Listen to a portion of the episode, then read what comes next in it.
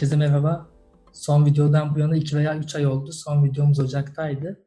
Medcets'in bu bölümünde İstanbul Atatürk Fen Lisesi'nde birkaç dönem beraber okuduğum üst dönemim Çağla var.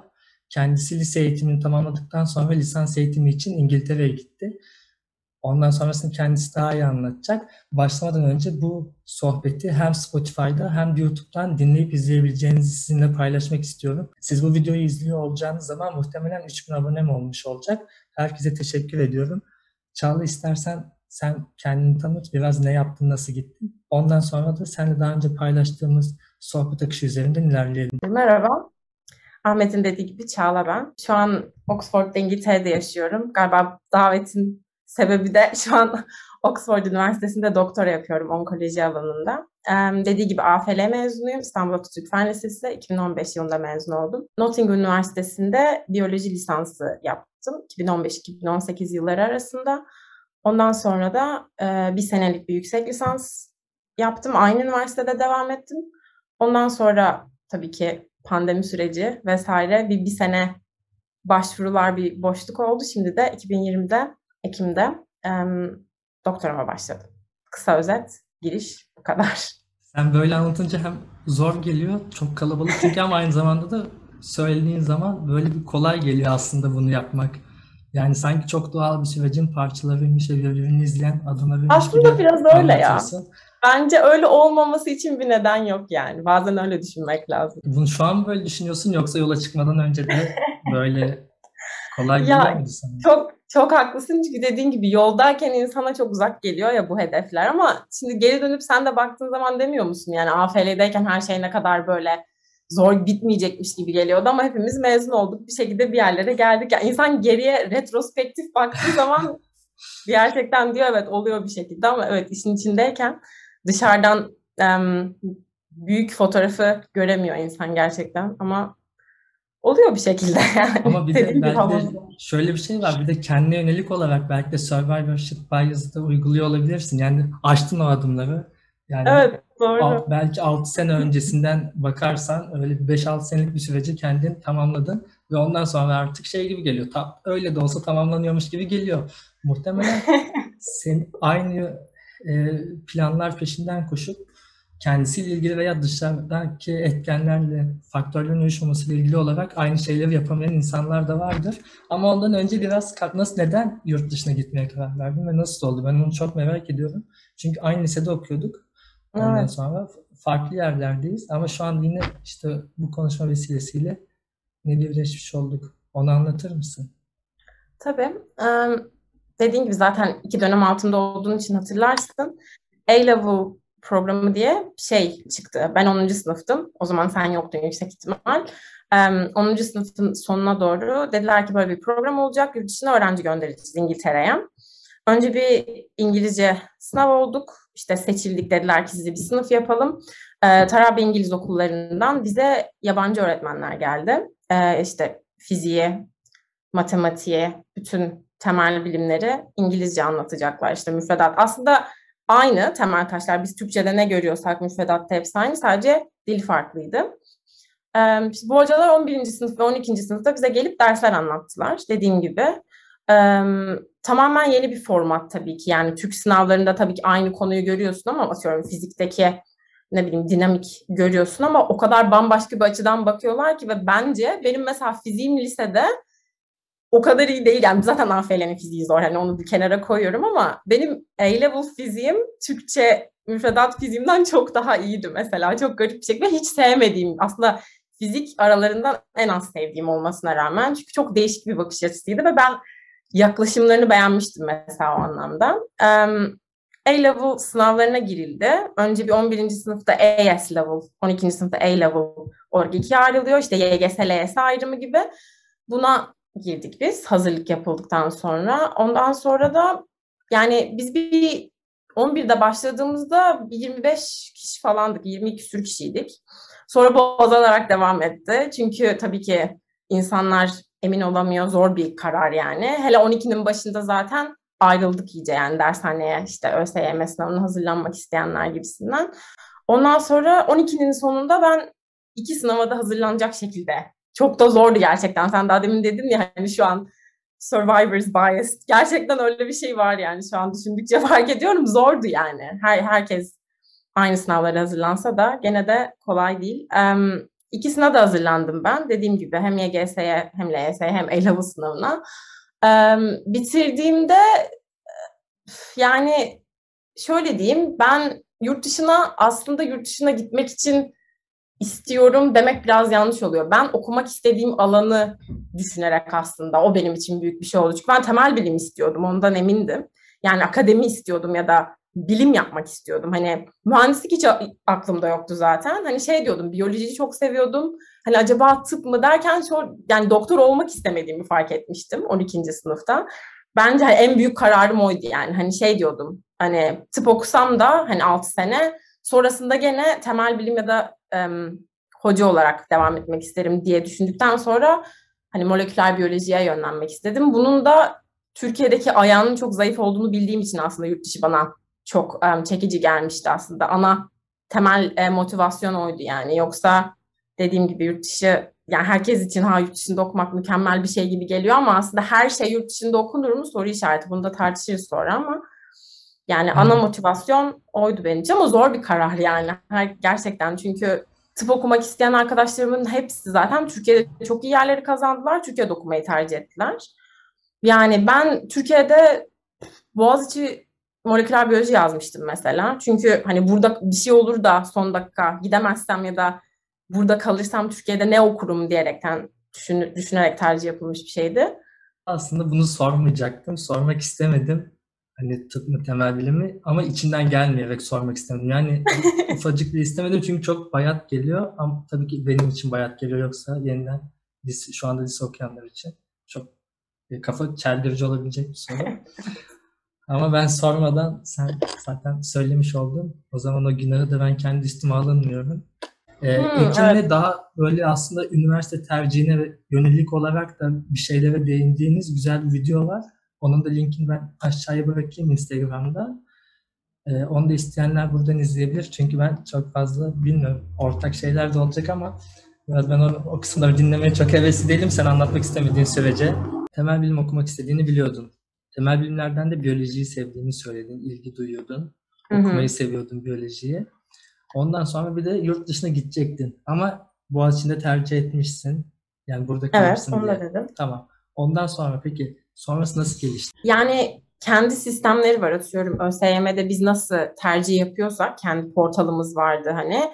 Onun gibi İngiltere'de de UCAS diye bir sistemden biz başvuru yaptık. Yani bu bize şey sağladı. Yani benim A-level diplomam olmasaydı ben Türk Devlet Lise diplomasıyla başvursaydım aynı üniversitelere benim hazırlık senesi okumam gerekecekti mesela. Hani onu sağlamış oldu. O denkliği almış oldum. Dolayısıyla birinci sınıftan başlayabildim.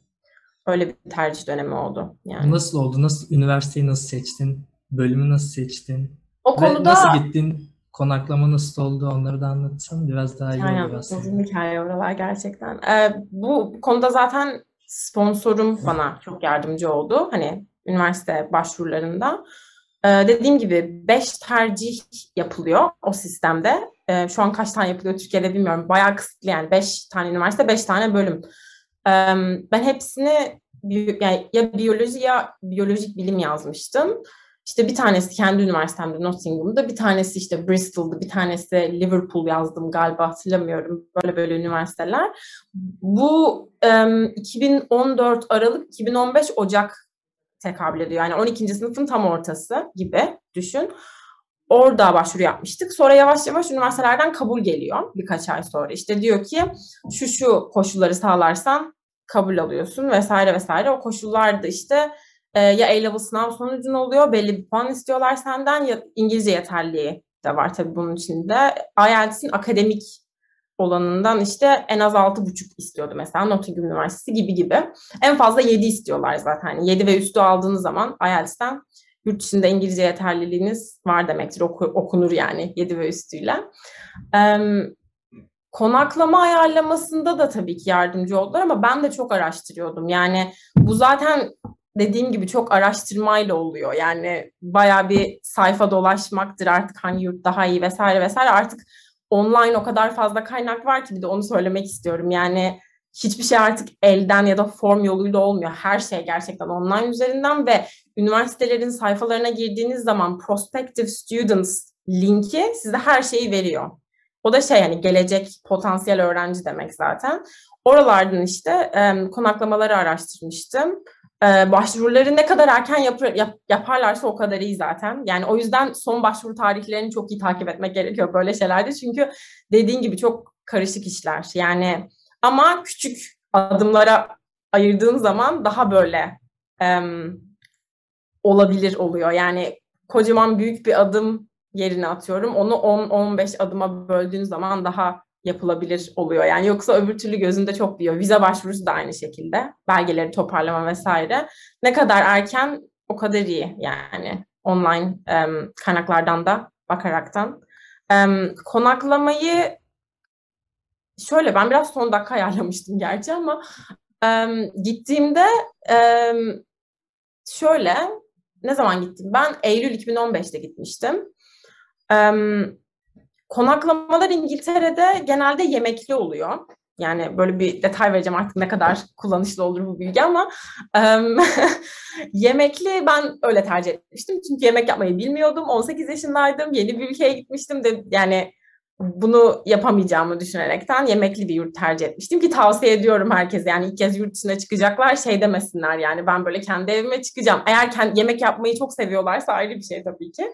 Ama ben e, daha kendime çok bakmakta aşırı yetkin olduğumu düşünmediğim için yemekli ve her şeyi böyle e, destekli bir yurt tercih etmiştim. E, zaten çoğu yurt öyle oluyor ilk sene. Sonra ikinci ve üçüncü sene de insanlar eve çıkıyorlar. Genelde öyle bir trend var burada. Ee, yani memnundum. İlk üç sene ben o rahata alıştığım için ilk üç sene sadece yemekli yurtta kaldım. Bütün lisansım boyunca. Ben bir tek yüksek lisansla eve çıktım. o kadar. Başka bilmiyorum yani gidiş yurt bu şekilde. Ya Başka daha önce var. uzun süreli ve tek başına yurt dışına çıkmış mıydın lisede?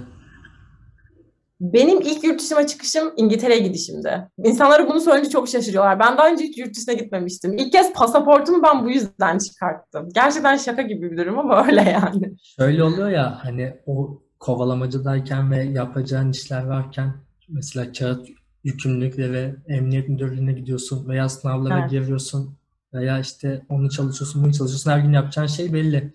Koşuşturma. Aslında aynen. o koşuşturmaca içinde e, ne yaptığını çok fark edemiyorsun veya yarın nerede olacağını. Evet. Pasaportu geçtikten ve uçaktan indikten sonra ne oldu? İşte 18 yaşındaydın ve hani biliyordun İngiltere'ye üniversite okumaya gideceğini işte belli yani herkesin çoğunlukla tahmin edebileceği duygular vardı heyecan gibi ama ondan sonra farklı bir şey daha hissettim muhtemelen. Yani tek başına gittin orada evet. ve üniversite okuyacaktın. O çalıştın çalıştın o tempodan biraz daha farklı bir tempo yoğunluğuna geçsin. Ne hissettin o zaman? Ne zaman dank etti diye soruyorsun galiba. Çünkü onu ben hatırlıyorum. Gideceğimden önceki geceydi. Onu çok iyi hatırlıyorum. Çünkü o zamana kadar dediğin o kadar doğru ki her gün bir koşuşturma var. Sanki gerçekmiş gibi gelmiyor daha hani son geceye kadar en azından benim için öyle olmuştu. Ama evet son gece biraz dank etmişti. İşte annemle beraber bavul toplarken falan filan hani son artık neyi unuttum neyi alacağım derken ki böyle bir evet son gecem bu yatakta o biraz dank etmişti. Bir de uçakta inerken gerçekten öyle bir şey yaşıyorsunuz yani nasıl desem artık tek başına olduğunu o zaman hissediyorsun. Yani uçağa çünkü annem babam geliyor, sen de uçağa biniyorsun vesaire. İlk kez hani uçaktan inerken diyorsun evet tek başımayım artık bundan sonra sonra sonra Bağdat'ı bulacağım. Ben gerçekten sonra sonra Bağdat'ı bulacağım diyerek gittim bu arada. Yani gerçekten o kadar safmışım ki şu an fark ediyorum. Hani 6 sene oldu. Nottingham'ı ben nerede olduğunu çok hani az hani az çok biliyordum haritada ama hani otobüs tutmuştum mesela otobüsü kaçırmıştım falan indiğimde onun ayrı bir stres olmuştu yeniden bilet almıştım falan. Hani bir bir kaotik durum olacak zaten. Hani olmaması imkansız ilk gidişte. Onu da biraz yaşamıştım. Ama dediğim gibi ben yurdumun tam olarak nerede olduğunu bilmiyordum. Hani biraz da şanslıydım açıkçası. O yüzden biraz sonra sonra yurdumu Nottingham'ı buldum. Öyle oldu yani. Ama dediğin gibi yani çok değişik bir his. Bunu çok açıklayamam. Yani yaşayınca çok anlıyor insan yani. Ama geri dönüp baktığımda şey diyorum çok safmışım. Ne kadar hani umutlarla böyle gitmişim. Hani tabii ki şu an mutluyum ama şey diyorum yani 18 yaşında yapmak için çok em, cesur bir hareket bence. Ama aslında ters gidebilecek şeyleri çok farkında olduğun zaman o kadar cesur ve rahat Evet, olamıyorsun. Onları biraz cahil alamıyorsun yani. Kesin doğru söylüyorsun. Evet daha az zaten aynen öyle. Daha çok bilseydim daha çok em, anksiyete olacaktı yüksek ihtimal doğru. Yani sonuçta şu anda örneğin birisi gitse sadece pasaporttan geçip geçemeyeceğini düşünürken bile aslında saatlerini harcıyor. Pasaporttan geçip geçemeyecek konusunda endişe duyan bir insan otobüsü şansa bırakamaz. Yolda nasıl gideceğini şansa bırakamaz aslında. Biraz da istersen üniversite eğitimini anlat. Sen Nottingham'da biyoloji lisansı eğitimi aldın. Ondan sonra da e, moleküler mikrobiyoloji eğitimi aldın. Evet. Eğitimin içeriğini anlatır mısın? Neler yaptığını, böyle hem işte başlı ve sonu olarak teorik yönünü ve üniversite eğitimin sırasında e, akademiye yönelme akademiye yönelmeyi tercih edebilirsin veya önündeki başka yollar neler orada senin gibi biyoloji e, lisansı alan birisi için onları anlatır mısın? Biyoloji eğitimi şöyle dediğim gibi 3 sene buradaki lisans eğitimleri. İlk sene e, çok genel her şeyin anlatıldığı bir müfredat gördüm. Yani ekoloji de gördüm, ekoloji evrim de gördüm, işte genetik kısmını da gördüm, nörobiyoloji de gördüm, fizyoloji de gördüm ama hani çok yüzeysel tabii ilk sene ne kadar derinleştirilebilirse o kadar. Zaten ilk seneden biraz belli olmuştu. Ben zaten daha çok genetik istiyordum. O belliydi yani hani ekoloji evrimle çok alakam yoktu. İlk sene e, belli practical'lar vardı yani işin pratik kısmı laboratuvarda ufak tefek bir şeyler gösterilir ya hani öğrencilere o tarz şeyler vardı.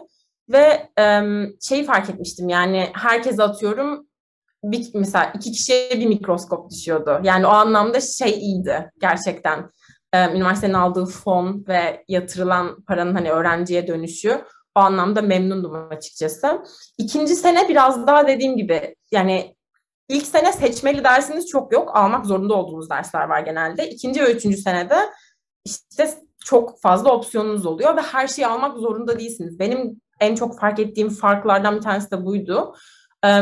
İşte Türkiye'de moleküler biyoloji, genetik ya da biyoloji okumuş arkadaşlarım hep şey diyordu. Çok fazla ders görüyoruz. Hani ben artık atıyorum işte bitki bilim görmek istemiyorum diyordu mesela insanlar. Hani burada yani en azından Nottingham'daki biyolojide bir dersi görmek istemiyorsanız seçmiyordunuz. Yani öyle bir güzellik vardı gerçekten. Çünkü dediğim gibi ben ilk sene bitki bilimi gördüm ve Allah'tan sonra görmedim yani. Çünkü hiç ilgimi çekmeyen bir bölüm. Neden hani okumak e, zorunda kalayım gibisinden.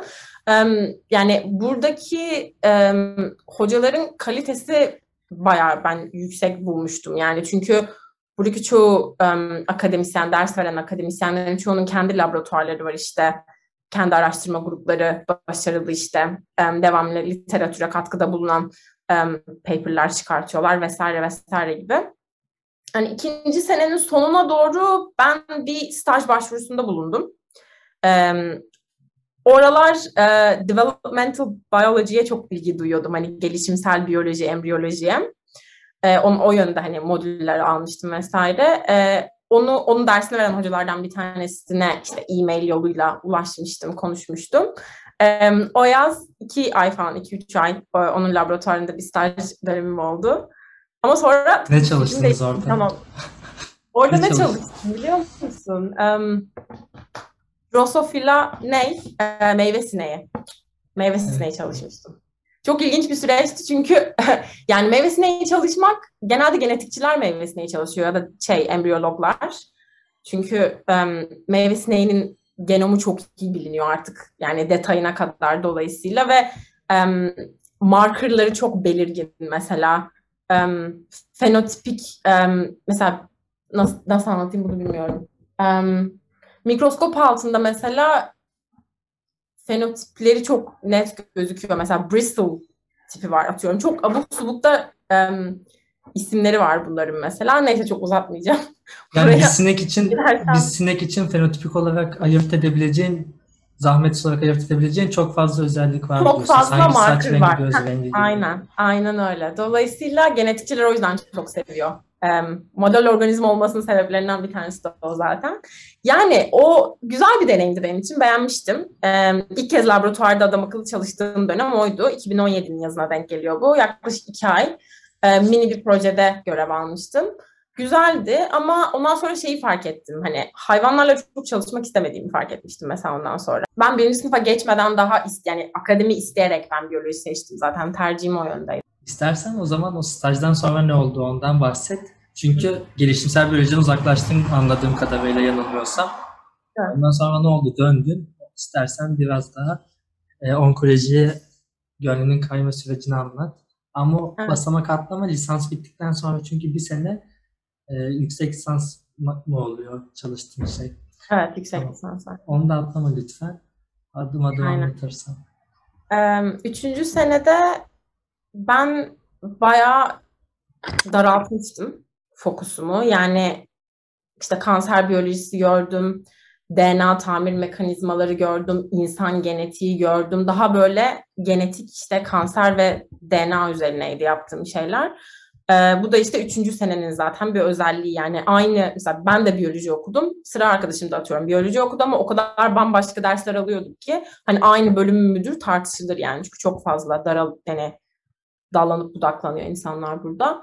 Ee, evet ikinci senenin dediğim gibi bu stajdan sonra ben biraz uzaklaştım gelişimsel biyolojiden çünkü şey diyordum yani evet moleküler biyoloji çalışmayı seviyorum o da bir genetik ama um, daha çok DNA tamir mekanizmalarını sevdiğimi fark ettim. Çünkü biraz aslında kansere göz kırpmak şöyle istiyordum.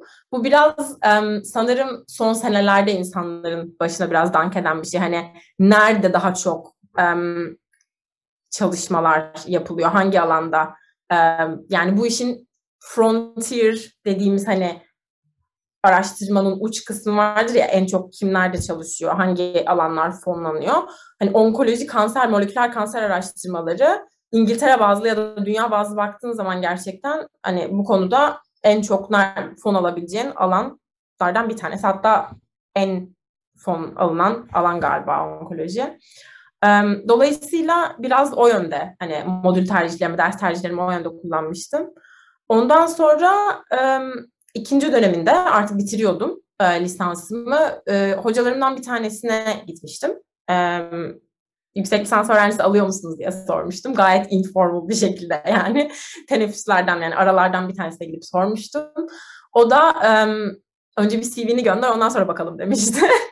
ondan sonra ben de CV'mi göndermiştim e-maille. Ondan sonra bir işte görüşmemiz oldu yani buna iş görüşmesi kadar resmi olmasa da böyle bir birbirimizi tanıdığımız bir görüşme oldu. Ondan Neler sonra da başka yaptım. CV'mde o güne kadar aldığım notlar vardı en basitinden. Yaptığım staj vardı.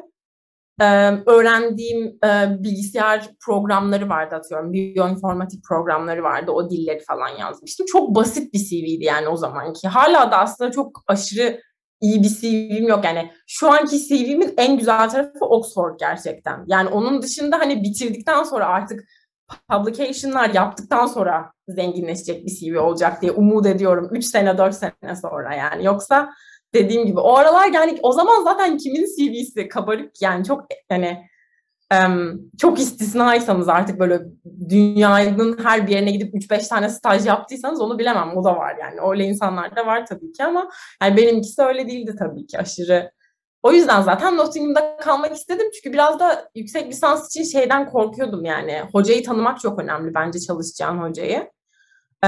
O da hani dersine girip dinlediğim hocanın laboratuvarına gidip yüksek lisans yapmak bana daha çekici gelmişti. Çünkü öbür türlü hani internetten baktığın insanın nasıl iyi bir öğretmen ya da nasıl iyi bir um, mentor olabileceğini çok anlayamıyorsun. Dolayısıyla o anlamda Nottingham'da kalmak iyi oldu yani. Bir de dersini dinlemenin şöyle bir avantajı var. O dersi yaptıktan sonra zaten adamın çalıştığı alanın %90'ını anlamış oluyor. O olarak giriyorsun laboratuvara. Yani o anlamda da bir avantaj aslında. Biraz hani cheating gibi oluyor ama gene de güzel yani. Bambaşka bir şey yaptıktan sonra. Ee, kanser biyolojisi modülü almıştım ben, ders almıştım. O da çok um, yararlı oldu. Onkoloji seçme isteğimde biraz daha um, bana yol gösterdi diyeyim. Ondan sonra ben şeyden çok memnunum. İyi ki yüksek lisansla doktor arasında bir sene vardı bende. İyi ki hani o arayı vermiştim. Çünkü eğer o sene bir şeylere başvurmuş olsaydım çok daha farklı olurdu benim için. Yani o zaman çünkü yani şöyle bir kötülüğü var yüksek lisansın bir sene olmasının bence. Çünkü hemen başvurman gerekiyor. Hani bir sonrakiyi düşünüyorsun ya devamlı. Hani o bir sene çok kısa bir süre. Hem master'ı bitirmeye çalışıyorsun aynı zamanda doktora başvurusu ya da artık iş başvurusu onu yapmaya çalışıyorsun. Hani ben onu iyi ki yapmamışım. Dolayısıyla o beni biraz daha perspektifimi nasıl desem genişletmeme sebep oldu. Yani hani ayrı bir 6 ay ayırmıştım ben böyle oturup araştırma yapmaya, işte CV düzmeye, e, motivasyon mektubu yazmaya vesaire vesaire. Biraz pandemi de yardımcı oldu. Yani pandemi olmasa o kadar boş olmayacaktım ama yani evet onkoloji sebeplerim en büyük sebeplerimden bir tanesi DNA tamir mekanizması çalıştığım için yüksek lisansta. O onkolojiye göz kırptığı için kısacası kanser e, biyolojisine göz kırptığı için ve dediğim gibi yani biraz da şöyle moleküler mikrobiyolojinin mikrobiyoloji kısmı ben Arke ile çalıştığım için oradan geliyor mikrobiyoloji. Arke bir sene sonra çalıştıktan sonra Arke'yi şey diye düşünmüştüm hani e yani evet çalıştım bu kadar ama hani şey gibi gelmişti bir yerden sonra o kadar um, kızacaklar bana ama İngilizce söylemek zorundayım çünkü gerçekten bunun Türkçesini biliyorum. Inconsequential yani böyle hani e sonucu yani etki alanının ne kadar dar olduğunu fark etmiştim. Hani bazı biyolojinin alt alanlarının. Yani bugünün gerçekliğinde. Efendim? Bugünün gerçekliğinde diyorsun.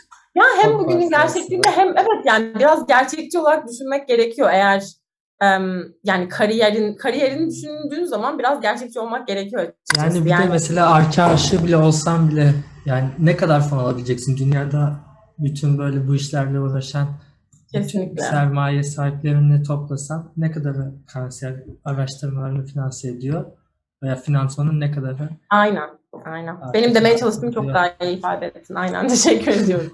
yani aynen demek istediğim bir hani etki alanı dar. Etki alanı dar derken şöyle büyük journal'larda mesela paper çıkarmaya çalıştığınız zaman bir bak mesela Nature Communications'a açıp baktığın zaman hani çıkan paperlardan yüzde kaçı moleküler kanser çalışmış. Ona bir baktığın zaman zaten görüyorsun az çok. Hani ne üzerinden tercih yapman gerektiğini. Şeye katılıyorum ama mesela bir şeyin delisiysen bence hani onun peşinden gitmek mantıklı ama ben bir şeyin delisi değildim işte. Hani şey diye düşünüyordum. Evet bazı şeyleri seviyordum diğerlerinden daha fazla. Dediğim gibi işte DNA tamir mekanizması, kanser seviyordum yani çalışmayı. Ama hani atıyorum yani meyve sineği delisi olsam mesela meyve sineği çalışırdım ama delisi değildim demek istediğim bu yani. Dolayısıyla biraz böyle e, aşırı idealist olmayan ama gene de sevdiğim bir şeyi bulmaya çalışıyordum. O da benim için biraz hani üçüncü senede aldığım dersler de biraz yönlendirilmiş oldu benim. Yani sen aslında kendini buldun biraz daha böyle işte bu dört sene boyunca diyelim ve aslında üçüncü seneden biraz daha kendini buldun. Ne yapmak istediğini veya e, hangi konuda çalışmak istediğini, evet. zamanını harcamak istediğini biraz daha buldun senin mutlu eden şeyi. Onkoloji de doktorasında yaptığın şeyle ilgili, çalıştığın şeyle ilgili ve ilgini çekenlerle ilgili daha böyle benim anlamayacağım, senin daha iyi anlayacağın şeyleri anlatmanı isteyeceğim biraz böyle kabaca. Yani ne çalışıyorsun, içinde neler var, neler yok. Ama ondan önce biraz da e, finansman kısmını da sormak istiyorum.